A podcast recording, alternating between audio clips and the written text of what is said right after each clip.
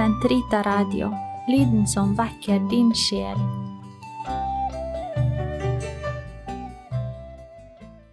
Kroppens teologi, en kommentar til pave Johannes Paul 2.s onsdagskatekeser av Eirik Ambrosius Stenhoff. Totus tuus ego sum, et omnia mea tua sunt, archipio te in mea omnia, prebe mi cor tum Maria. Første del av onsdagskatekesene, triptyken om kroppens teologi. Kristus taler om oppstandelsen. Episode 13 Kjødets oppstandelse og kroppens nye betydning, katekesene 64 til 72. Del 2 Kroppens nye betydning, katekesene 66 til 68.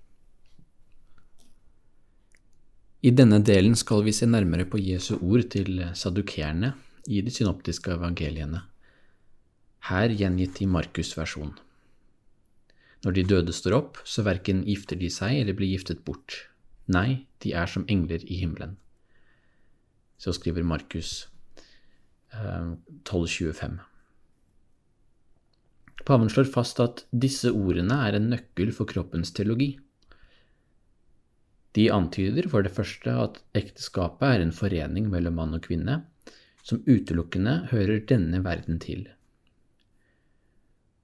Men det er en forening mennesket er skapt til fra begynnelsen, slik skapelsesberetningen forteller. Men altså, som paven sier, sitat, ekteskap og prokreasjon utgjør ikke menneskets eskatologiske fremtid. I oppstandelsen mister de så å si sin eksistensberettigelse. Sitat slutt. Lukasevangeliet snakker her om den kommende verden som oppfyllelsen av menneskets liv på jorden, i Lukas 2035. Eh, og den kommende verden er Guds verden, sier paven. Den verden hvor Gud, den levende Gud, um, ifølge første korinterbrev vil bli alt i alle. Men han understreker også at de siste ting ikke simpelthen tilhører en kronologisk fremtid. Den er også her og nå, som det Guds rike som alt er blant oss. Og gjennom Jesu oppstandelse er vi gitt del i den kommende verden på en høyst reell måte. Så hvilke konsekvenser har dette for kroppen? Det vil vi forsøke å kommentere og utvikle i det følgende. Vi merker oss setningen om at mannen og kvinnen verken gifter seg eller blir giftet bort. Som vi har sett, er ett nøkkelbegrep for å forstå mennesket, ifølge Johannes Paul 2., den betydningen kroppen har fra begynnelsen. Og den har han kvalifisert som en ekteskapelig betydning. Vi er skapt for å gi oss selv som en oppriktig gave i kjærlighetsfulle relasjoner. Det er kroppens betydning. Kroppen er derfor også fruktbar, den er prokreativ. Den eskatologiske dimensjonen, altså den som vedrører de siste ting, den dimensjonen avdekker en annen betydning, nettopp i menneskekroppens kjønnslige karakter. Paven sier at vi i Jesu ord til sadukerene ser det vi kan kalle en spiritualisering av mennesket, en åndeliggjøring altså. De synoptiske evangeliene sier at vi vil være som engler i himmelen. Men det betyr likevel ikke at vi skal leve i himmelen uten en kropp. Konteksten eh, i evangeliet handler om kjødets oppstandelse, som var det som sadukerene også avviste. Paven kommenterer at sitat, oppstandelsen innebærer en gjenreisning til den menneskelige kroppslighetens sanne liv, som gjennom historien var underlagt døden. Sitat slutt. Han utdyper dette noe.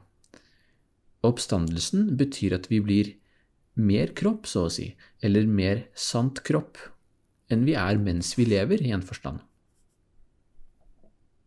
Vi har tidligere sett hvordan syndefallet førte med seg en erfart splittelse mellom kroppen og sjelen, eller enda riktigere mellom kroppen og um, og ånden.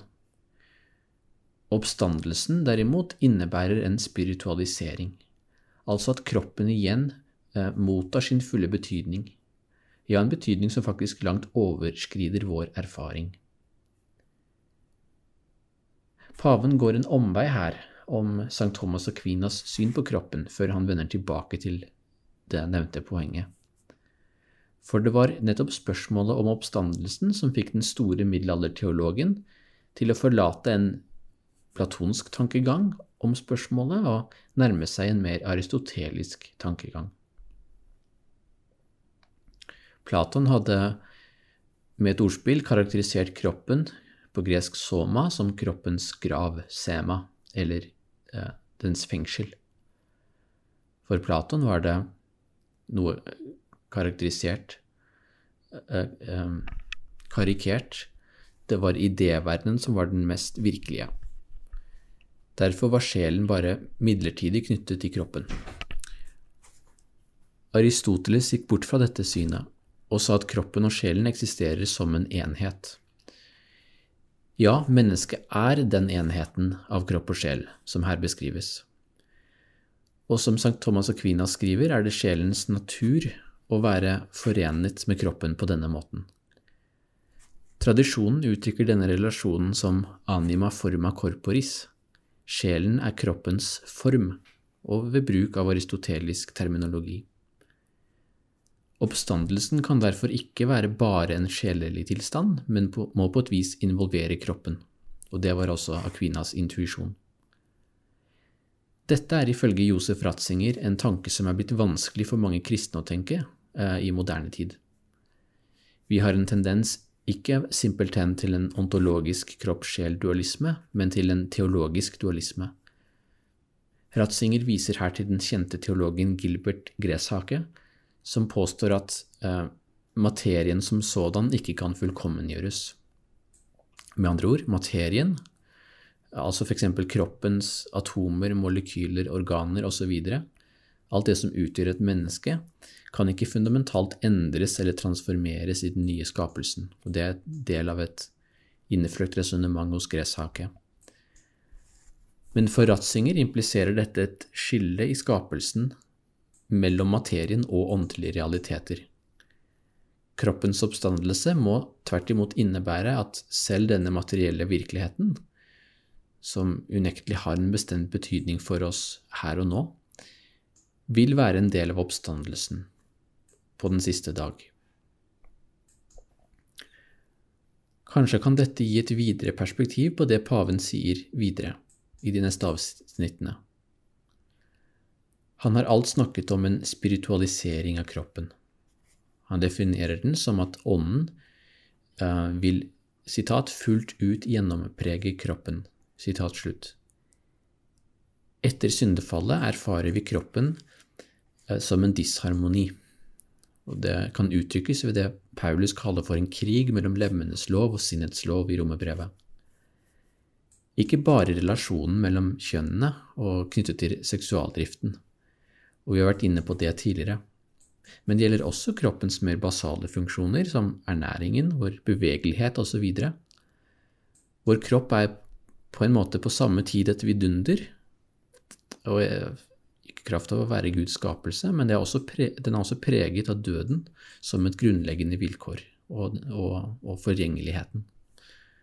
Kroppen er nettopp ikke en maskin, men kroppen til et menneske hvis liv er merket av arvesynden, helt inntil organenes funksjoner. Spiritualiseringen av kroppen betyr at selv muligheten for den krigen mellom sinnet og lemmene som Paulus beskriver, vil bli helt utslettet. Det sier paven.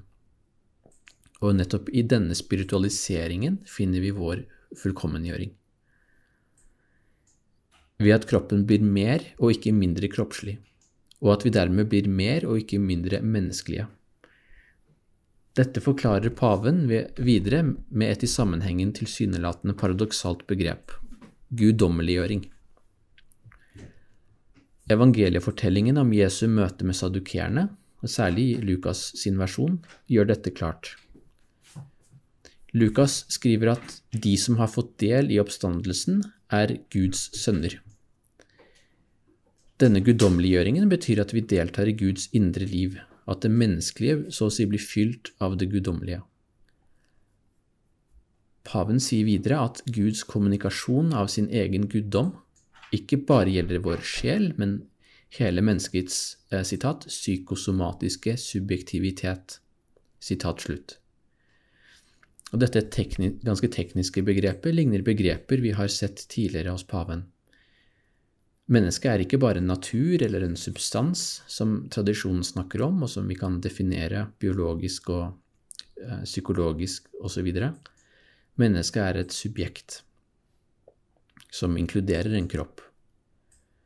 Guddommeliggjøringen av mennesket i himmelen må derfor også innebære en subjektivitet som inkluderer kroppen. Som vi så i de første onsdagskatekesene om menneskets urerfaringer, var kroppen en del av menneskets erfaring av seg selv, oppdagelse av seg selv, nettopp som et personlig subjekt, i motsetning til de andre dyrene. Her er vi kommet til et avgjørende punkt når det gjelder oppstandelsens betydning for kroppens teologi. Kristi ord om at vi verken vil gifte oss eller bli giftet bort på den siste dag, avdekker denne nye kroppens betydning. Paven lanserer her en tanke som han skal bruke en del tid på å utforske i de følgende katekesene. Han spør kan vi her snakke om en citat, oppdagelse av kroppens ekteskapelige betydning som en fremfor alt jomfruelig betydning. Sitat slutt. Paven ønsker altså å vise at den betydningen kroppen er skapt med, og som vi erfarer, nemlig den ekteskapelige, mens vi er skapt for en gave, i lys av oppstandelsen viser seg som en jomfruelig betydning. Det er denne jomfruelige karakteren Jesu ord til sadukerene synes å vise til. Og de ordene er ikke simpelthen en visjon for fremtiden, som vi har sagt, men utgjør en realitet vi deltar i her og nå. En realitet, kan vi legge til, som har kraft til å revolusjonere måten vi tenker og lever på. La oss si noe mer om dette til slutt, og vi skal fordype dette sentrale resonnementet i de neste to episodene. Paven antyder en forbindelse mellom Guds skapelse av verden og av Guds kommunikasjon av sin egen guddommelige natur på den siste dag. I begynnelsen deltok mennesket i Guds skaperplan, erfarte den som en ren gave, og seg selv som en ren gave men i en forstand naturligvis så både rekapituleres og uendelig overskrides skapelsen på den siste dag. For da skal vi skue Gud slik han er. Vi skal leve i et fullkomment fellesskap med ham og med hverandre. Communio personarum. Frøet til dette lå der riktignok allerede, fra skapelsen av. Og Derfor kan vi si at den jomfruelige betydningen til kroppen lå der fra begynnelsen av også. Noen andre kommentarer til pavens onsdagskatekeser har, har, har sett at den opprinnelige ensomheten dypest sett er en jomfruelighet. Nettopp fordi personen hører til Gud før det hører til en annen person, altså eh, opprinnelig forening. Vi skal komme tilbake til det i en senere episode. Poenget her og nå er at den gaven vi mennesker er kalt til å være for hverandre i ekteskapet, også har sin kilde i den gaven vi er for Gud.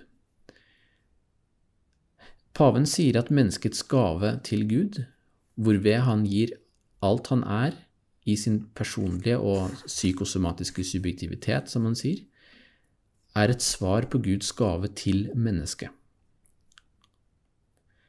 Jomfrueligheten, altså kroppens jomfruelige tilstand, blir i dette lys en manifestasjon av den spesifikt eskatologiske oppfyllelsen av kroppens ekteskapelige betydning.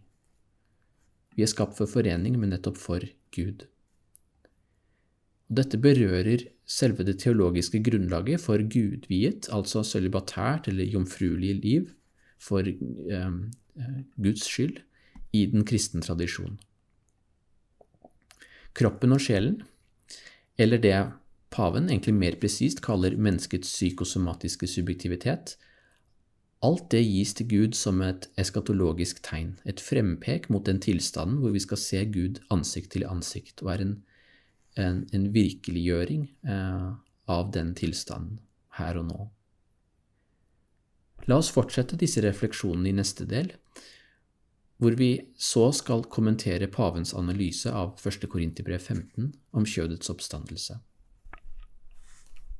Gloria Patri et Filio et Spiritui Sancto, sicut erat in principio et nunc et semper, et in saecula saeculorum.